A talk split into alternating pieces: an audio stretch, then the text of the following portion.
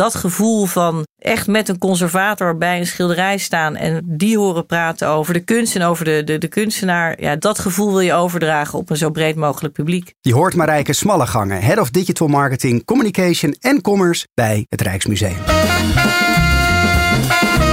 CMO Talk, de podcast. Marketing bekeken vanaf het hoogste niveau. Hoi luisteraar, leuk dat je luistert naar CMO Talk. Ik ben Klaas Wijma van Energize, het bureau voor verdiende aandacht. En vandaag is mijn gast in de studio Marijke Smallegangen, eindverantwoordelijk voor marketing en communicatie bij het Rijksmuseum. Marijke verruilde het zelfstandig ondernemerschap voor een vaste positie bij een van de bekendste en mooiste musea van de wereld, vind ik persoonlijk. En het Rijksmuseum staat met jaarlijks 2,5 miljoen bezoekers in de top 15 van de meest bezochte musea van Europa. Misschien luisteraar ben je wel eens geweest na de verbouwing. Een enorme grote schatkamer aan kunstwerken, maar daarmee ook een enorme schat aan verhalen. Want elk mooi kunstwerk, daar zit een verhaal achter. En hoe vertel je die verhalen nou beter dan met inspirerende content? En dat leek me nou een mooi onderwerp om vandaag mee te pakken. Storytelling. Dus het komende half uur leer je in deze podcast wat storytelling is en hoe het Rijksmuseum dat al jaren succesvol toepast. Marijke, van harte welkom. Dankjewel, Klaas. Ik heb er zin in. Ja, ik ook. CMO Talk wordt aangeboden door Adobe en Accenture Interactive en is ontwikkeld door Energize en voicebooking.com. Het krijgen en behouden van aandacht is vandaag de dag de grootste uitdaging voor marketeers. Maar hoe doe je dat? Op 30 oktober lanceer ik mijn nieuwe boek Aandachtsmarketing. Daarin beschrijf ik een krachtige werkwijze om aandacht voor jouw merk te verdienen. En speciaal voor jou heb ik een mooie aanbieding. We organiseren namelijk een masterclass aandachtsmarketing op echt een geweldige plek. Het Rijksmuseum. Tijdens de masterclass word je compleet bijgepraat over het wetenschappelijke onderzoek dat aan het boek ten grondslag ligt. En je krijgt het boek als een van de eerste mee naar huis. Koop je ticket voor 15 oktober en betaal slechts 49 euro in plaats van 69 euro. Meld je aan op energize.nl slash aandachtsmarketing. Dat is energize.nl slash aandachtsmarketing. Ja, over ieder kunstwerk en elke schilder is dus wel een uniek verhaal te vertellen. Ja, en dit jaar is natuurlijk een heel bijzonder jaar. Zeker. Uh, ja, het is eigenlijk een herdenking of viering. Viering, ja. Viering, wij, toch? wij noemen het graag een viering. Een viering ja, ja. dat uh, uh, Rembrandt 350 jaar geleden is overleden. En ja, natuurlijk een absolute meesterschilder. Zeker. Maar natuurlijk ook een heel rijk onderwerp voor storytelling. Ja. En zo hebben jullie allerlei tutorials op YouTube. Hoe schilder je als Rembrandt? Uh, worden mensen ook opgeroepen om hun eigen Rembrandt in te zenden. Ook niet onverdienstelijk, wat ik heb begrepen. Ja, leidt mij tot de vraag: ja, wat, wat, wat levert het vertellen van uh, verhalen uh, van die historische schilders? Levert het eigenlijk überhaupt wel wat op? Nou ja, het levert zeker wat op. En we vertellen meer dan alleen maar over Rembrandt. Want de collectie van het Rijksmuseum is natuurlijk zo breed dat we, nou ja, we vertellen dingen over onze juwelen, over onze Japanse prenten, noem maar, maar op. Dit jaar is natuurlijk echt een focus op Rembrandt, dat klopt. Ja, en om meerdere groepen te bereiken moet je ook verschillende vormen van uh, storytelling of van verhalen uh, gaan uitproberen. En dat is ook natuurlijk wat we doen. Hm. En dat varieert van uh, nou ja, de samenwerking met, met de NTR, waarbij we het programma Project Rembrandt hebben gemaakt. Waarbij de, de, de nieuwe beste amateurschilder van Nederland is gezocht en gevonden. En het grappige is dat mensen dat zeggen, ja, tv is passé. Maar als je ziet dat er toch anderhalf miljoen mensen kijken of hebben gekeken iedere zondagavond. Dat vind ik nog steeds serieuze aantallen. Ja. En als je ook ziet dat daar uh, nu alweer bijna duizend mensen zich hebben aangemeld. Ook echt jonge mensen om volgend jaar weer mee te doen. Dat zegt mij dat dat, uh, dat, dat medium uh, toch steeds niet te onderschatten is. Ja. je gaf aan, het is een programma van NTR. Was het jullie idee of benaderde NTR jullie om mee te doen? Uh, het was hun idee. Okay. Het was hun ja. idee. En, en de grap is, wij worden natuurlijk heel veel benaderd ja. hè, door, door heel veel partijen die allemaal fantastische ideeën hebben. Je kan nou, je dag kunnen, vullen met kopjes koffie. We kunnen niet, ja, precies, zeker. Uh, we kunnen lang niet alles doen, maar we doen heel veel met de NTR. Dus uh, dat is natuurlijk een hele trouwe partner van ons. En dan weet je ook wel dat, dat de kwaliteit goed is. Daar kijken ze ook altijd naar. Ja. En daarbij is nog heel veel andere dingen uh, aangevuld. Hè. Je noemde net al de tutorials die we zelf hebben gemaakt. Maar een van onze uh, hoofdsponsoren, ING, heeft ook een hele activatie gedaan. Die hebben uh, de stem van Rembrandt nagebootst. Oh. Dat hebben ze gedaan met een universiteit in Amerika. Die helemaal Blijkbaar kan je tegenwoordig uh, zien aan de stand van iemands gezicht naar de, hoe de holtes van iemand zijn. En dan kan je dus helemaal uitrekenen hoe een stem zou hebben geklonken. Ja, heel bijzonder.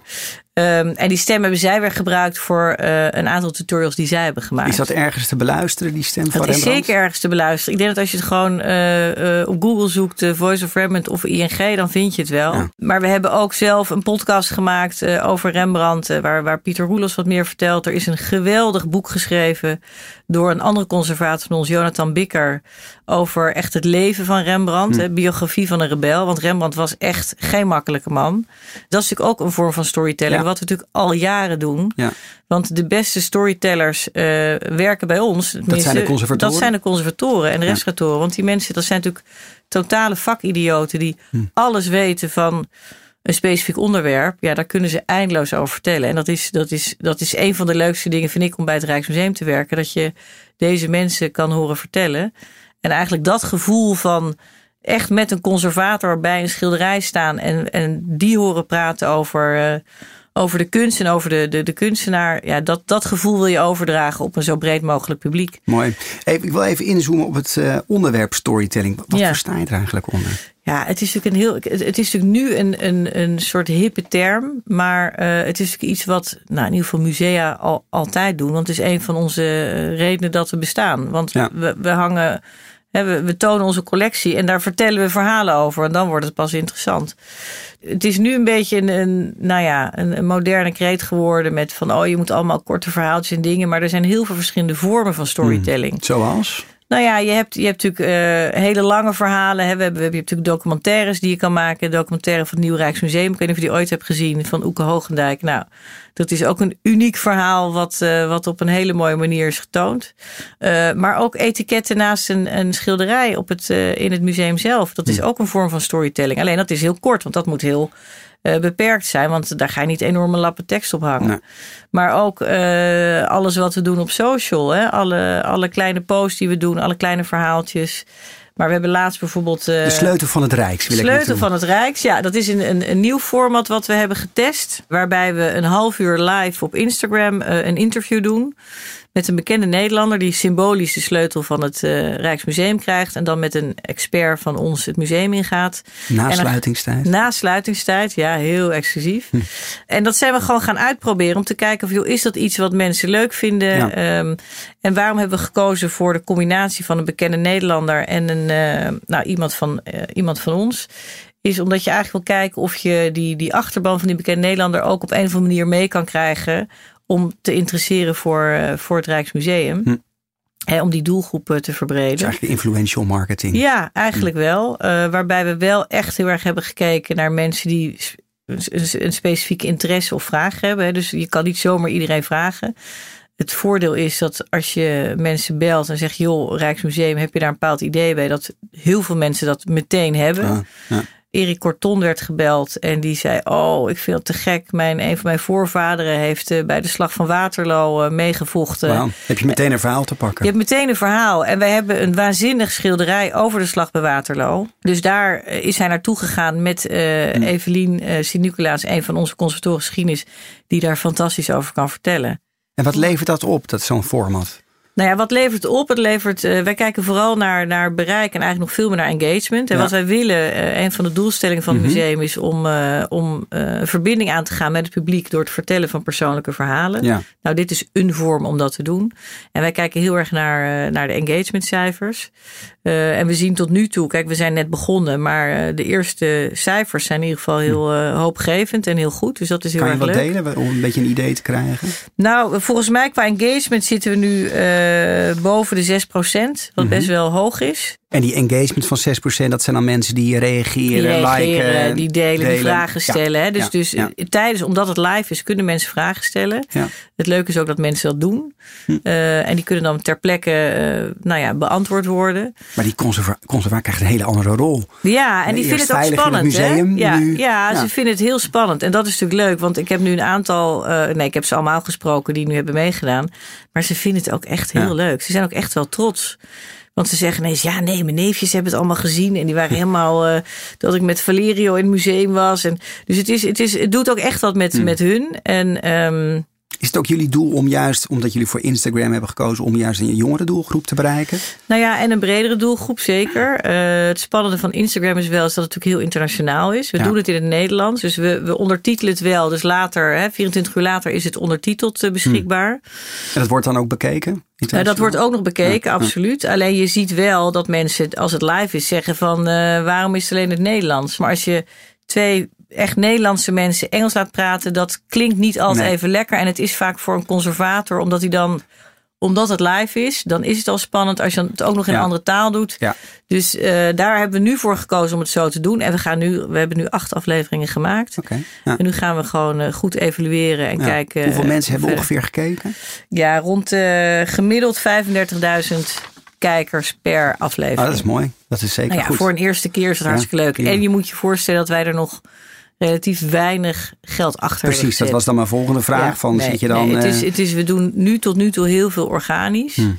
Maar uh, we gaan hier wel meer, uh, meer geld achter zetten om, Ja. het, om het groter te maken. Maar het is nog niet die anderhalf miljoen die je met uh, nou ja, tv-programma Project Rembrandt hebt. Nee, zeker niet. Maar dat, dat is ook niet erg. Weet je, je moet ook een beetje eerst kijken of dingen kloppen of niet. En voor ons was het ook belangrijk om te zien van, weet je, komt dit authentiek over? Hmm. Dus, dus is het, is het, ten eerste is het een leuk verhaal naar te luisteren, maar is het ook een beetje echt? En dat is het, dat is het leuke dat, dat je nu ook ziet. Ook de conservatoren die vinden het heel leuk, omdat die echt in hun kracht worden gezet. Ja. Hè? Die worden echt ondervraagd over iets waar ze alles van af weten. Ja, en dan komt het gewoon heel goed over. Is dat ook echt iets wat uh, past bij storytelling? Gewoon doen? In Ja. plaats van Ja, helemaal gepolijst afmaken. Ja, ik vind, ik vind wel dat je moet wel durven experimenteren. Ja. En dat uh, het fijne is dat dat ook kan bij ons. Hè? Uh, kijk, sommige dingen kunnen we niet experimenteren. Als wij in de nachtwacht gaan restaureren, experimenteren is een absolute no-go. Daar moeten Nee. we alles tot in den treuren voorbereid hebben en goed over nagedacht voordat we überhaupt iets gaan doen. Ja. Maar met dit soort dingen, natuurlijk moet je daar uh, dingetjes uitproberen. En sommige dingen gaan goed. En andere Ja. dingen denk je, oh, dat hadden we anders moeten doen.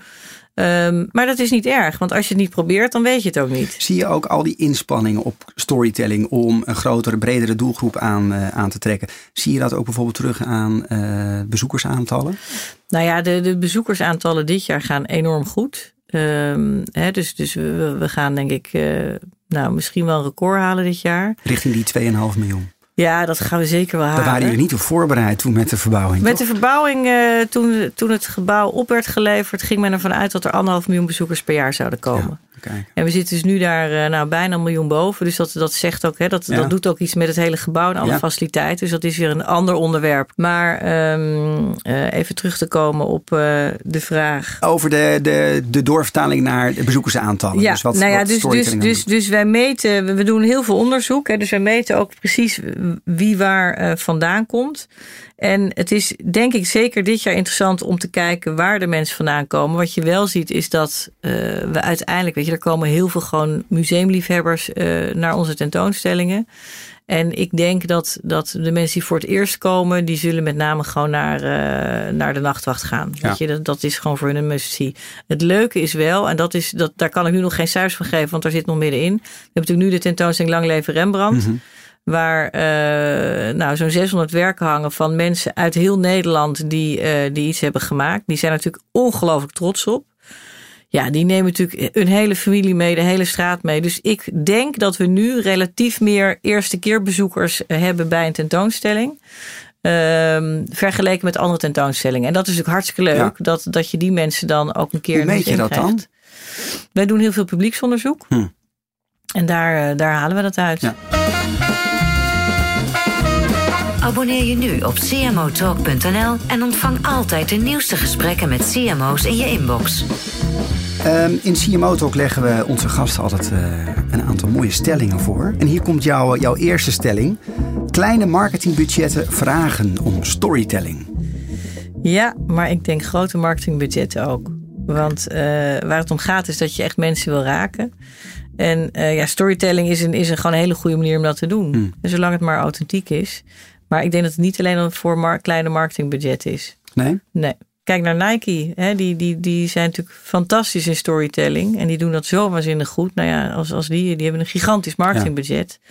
En voor hun is het ook een hele uh, belangrijk onderdeel van hun hele aanbod. Als je nou luistert naar deze podcast en zegt, ja, ik, uh, ik hoor storytelling, ik word ermee uh, doodgegooid onderhand. Ja, ja. Ik moet er nou echt eens mee aan de slag. Wat is nou, wat zou een eerste tip zijn die je zou kunnen delen om ja, de eerste stappen te zetten met storytelling? Nou, ik zou, ik zou eerst even kijken van, goh, wat, wat, wat vind je zelf goed? Hè? Dus, dus ga gewoon eens zoeken wat, wat voor vormen je aanspreekt, of die bij jouw merk of bij jouw ja, organisatie passen. En verder gewoon ga dingetjes uitproberen. Hm. Het is tegenwoordig heel makkelijk. Je hoeft niet meer enorme filmploegen in te huren om om een filmpje te maken. En je kan bij wijze van spreken gewoon zelf eh, met je mobiele telefoon al wat uitproberen. En het zal echt niet meteen in één keer goed zijn. Nee. Weet je, we hebben ook wel eens dingetjes gemaakt dat je er naar kijkt dat je denkt, ja, nee, dat is gewoon helemaal Ja. niks. Ik dat kan me iets herinneren, zo'n samenwerking met de Queen of Jetlags. Oh dat was ja, een dingetje. ja. Voor de luisteraar, het was een, eh, ja, een influencer eh, die prachtig poseerde met zeer mooie benen en hoge hakken voor ja, jullie belangrijkste kunstwerk, de Nachtwacht. En daar viel eigenlijk heel social media toen overheen van wat is dit nou? En Ja, ja. het is eh ja.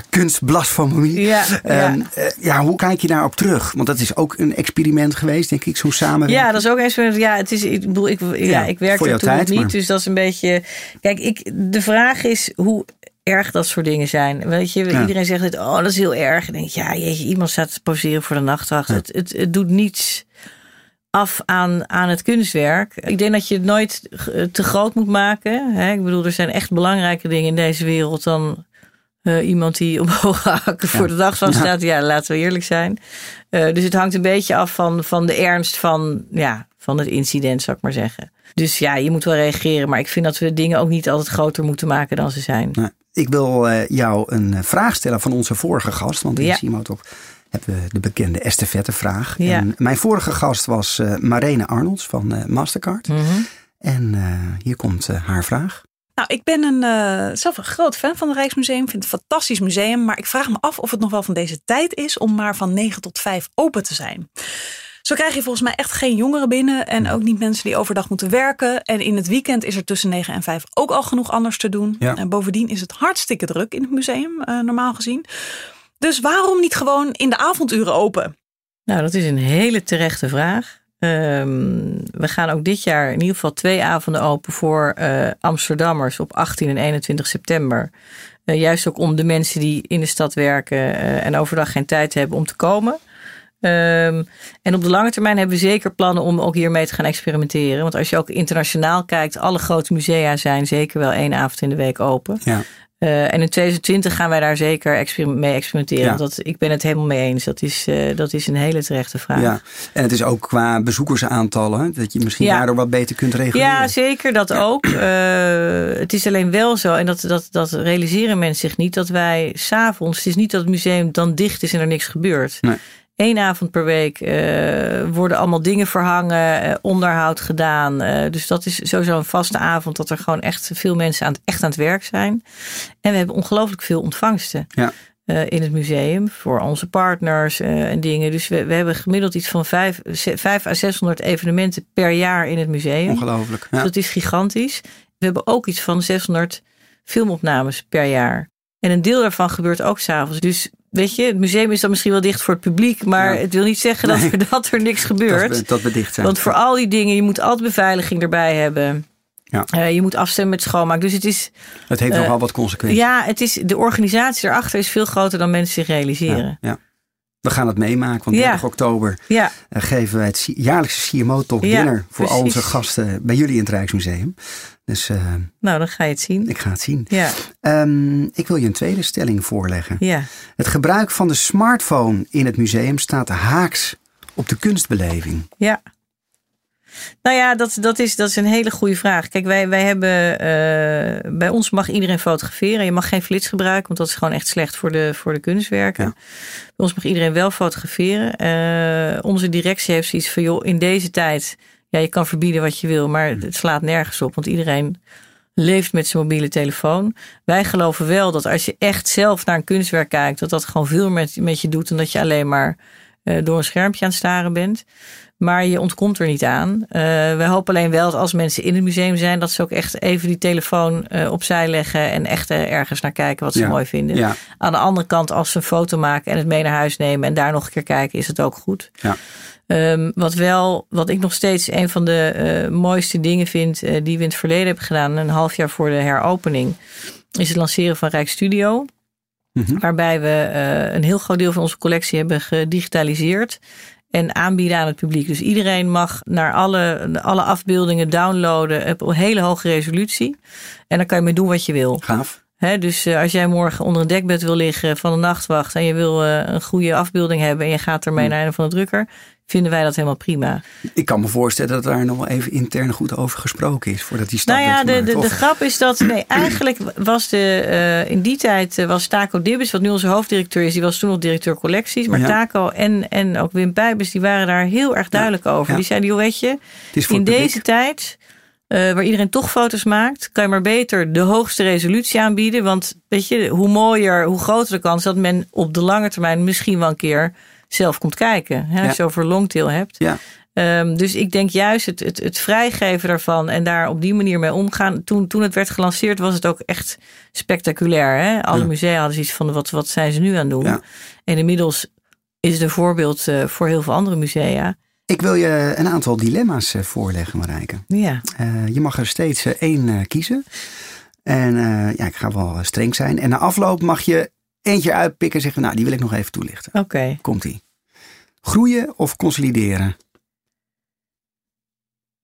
Groeien.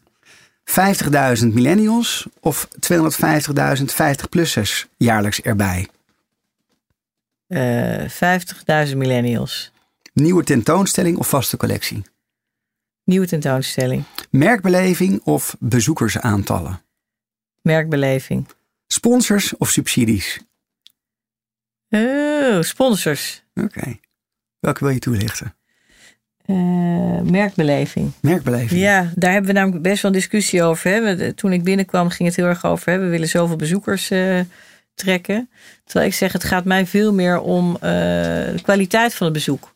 Hmm. En daar gaat het om. Daar staan wij voor. Dus je wil eigenlijk dat iedere bezoeker die komt, dat die het gewoon heel goed waardeert en het, en het een mooi bezoek vond.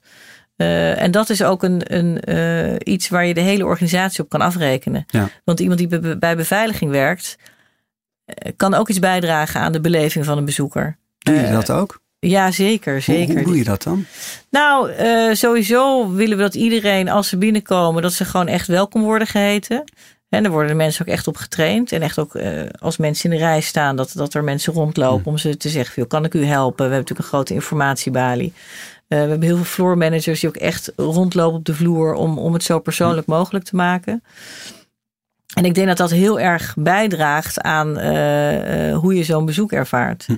Dus dat vind ik belangrijker dan nog een keer eh, honderdduizend bezoekers erbij. Want als Ja. we honderdduizend bezoekers erbij hebben, maar de waardering gaat omlaag. Ja, dan hebben we toch een probleem. Dus, dus het gaat mij echt om de balans tussen, de optimale balans tussen zoveel gel- mogelijk mensen kunnen bedienen, maar wel een heel mooi Ja, bezoek kunnen, ja. kunnen geven. Nou, dat vind ik knap, want er komen even snel gerekend iets van 8000 bezoekers per dag Ja, uh, gemiddeld ja, binnen. Ja, ja en, en, en er zullen altijd. Hè, ik werk zelf één dag uh, in de maand in het museum om zelf te zien wat er allemaal gebeurt en Mhm. uh, hoe mensen reageren op dingen. En je ziet gewoon dat, dat ondanks dat er heel veel mensen zijn en we zo goed mogelijk iedereen proberen te begeleiden, dat er nog steeds mensen doorheen schieten en Ja. Niet weten waar ze zijn of niet weten waar ze naartoe moeten. Dus dat, dat blijft een uitdaging. Mooi. Ja. Um, jij mag ook onze nieuwe gast uh, in CMO ook een vraag uh, stellen. Ja. En uh, we hebben um, ja, echt een marketeer, maar ook een ondernemer volgende maand in de studio. Ja. Dat is Patrick Hurenkamp. En hij is de oprichter en CEO van Bloemon. Mm -hmm. Wat zou je willen vragen? Ja, wat ik hem zou willen vragen is hoe hij de toekomst ziet van Bloemon. Gelooft hij echt in het verbreden van het aanbod of meer in het verdiepen? Oké. Okay. Diversificatie of ja. differentiatie. Ja, precies. Een mooie marketingterm. Ik wil je ook nog een aantal persoonlijke vragen stellen om een beetje een beeld te krijgen. Nou, wie is nou Marijke en hoe belandt zij in het, uh, is ze in het Rijksmuseum beland? Maar ja, een beetje het doen van onderzoek naar jouw achtergrond en jouw cv. is dit volgens mij voor de vierde keer dat je weer aanschuift ja, dit is de, bij het Rijksmuseum? Derde of de derde dus keer? Het is de derde keer, ja. ja. Vertel. Ja, ik ben ooit daar terechtgekomen. Ik werkte bij, uh, bij Losboys, uh, internetbureau, uh, vanaf 2000. Nou, ongelooflijk leuke tijd en geweldig. En na 4,5 jaar dacht ik, nou, wel weer toe aan wat anders. En ik ben totaal geen carrièreplanner. Mij hmm. gaat echt... en toen kwam ik eigenlijk via via bij het Rijksmuseum terecht. Waar ik toen sponsoring ging doen. Waar ik eigenlijk ook niet heel veel uh, ervaring mee had. Maar uh, dat heb ik toen uh, een aantal jaar gedaan. Toen ik daar begon, 2004, zou het museum weer in 2008 open gaan. Nou, dat is niet helemaal gelukt. Dus in 2008 had ik zoiets van, nou, dan moet ik wel wat anders gaan doen. Want ja. nog vijf jaar wachten, dat, dat was gewoon te lang. En toen kwam ik ook, ook weer via via bij ING terecht. ING en Postbank gingen toen net samen. daar werd ik verantwoordelijk voor sponsoring en brand activation met grootse plannen. Alleen de financiële crisis uh, die, uh, die gooide even iets van uh, roet in, de, in het eten. Dus in plaats van heel veel opbouwen, moesten we eerst gaan afbouwen. Hm. En een jaar later mochten we weer gaan bouwen. toen werden we hoofdsponsor van de KNVB. Dus ik heb het hele WK voetbal in Zuid-Afrika in 2010 mee mogen maken. Dat was natuurlijk de eerste keer dat ING zich als hoofdsponsor presenteerde. En daarna, uh, na nou, ruim drie jaar ING, uh, heb ik besloten om uh, als ZZP'er door het leven ja. te gaan. Het zelfstandig ondernemerschap. Zelfstand, ja. En dat was ontzettend leuk. En ik heb echt geweldige projecten mogen doen. En in die tijd ben ik op een gegeven moment ook weer teruggekomen bij het Rijksmuseum. Ook als interimmer. Daar heb ik toen onder andere de lancering van Rijksstudio gedaan. Hm. En nou, heel veel andere projecten voor heel veel verschillende bedrijven.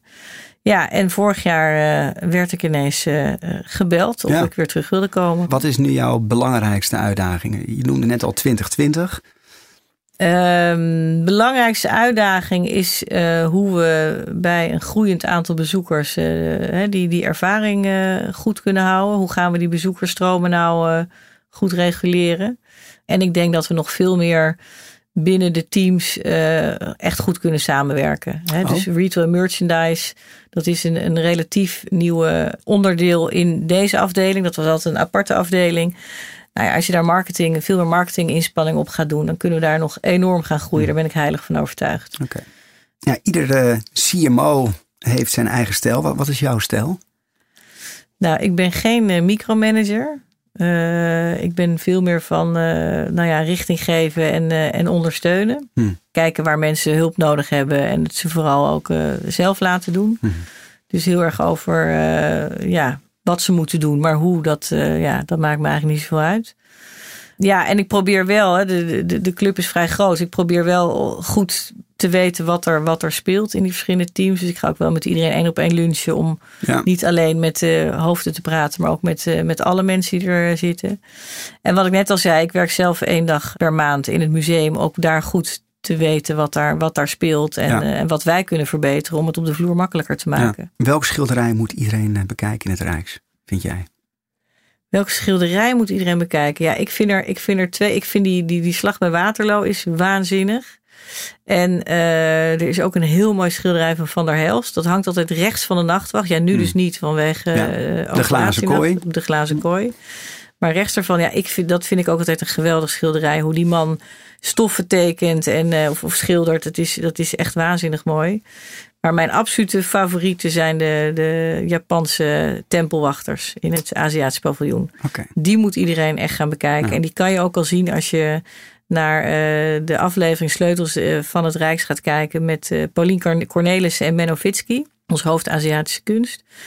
daar komen ze ook in terug. En daar vertelt Menno ook een heel leuke anekdote over die tempelwachters. Ja, die vind ik fantastisch. Die komen ja, echt uit een oerwoud in Japan. Die stonden voor een tempel van hout en die zijn echt gaaf. Ja. We zetten hem sowieso ook in de show notes. Ja. Um, ja, we hebben een aflevering gedaan helemaal over storytelling. Ja. Uh, je hebt er heel veel ervaring mee. Uh, nou ja, niet alleen binnen het Rijks, maar ook bij andere functies die je, die je eerder hebt gedaan. Wat is nou het belangrijkste leerpunt wat je luisteraars wil meegeven als we het hebben over story, storytelling? Um, ja, ik blijf altijd zeggen, weet je, fouten maken moet. Want als je geen fouten maakt, leer je niet. Uh, dus wees niet bang om fouten te maken en wees ook niet bang om fouten toe te geven.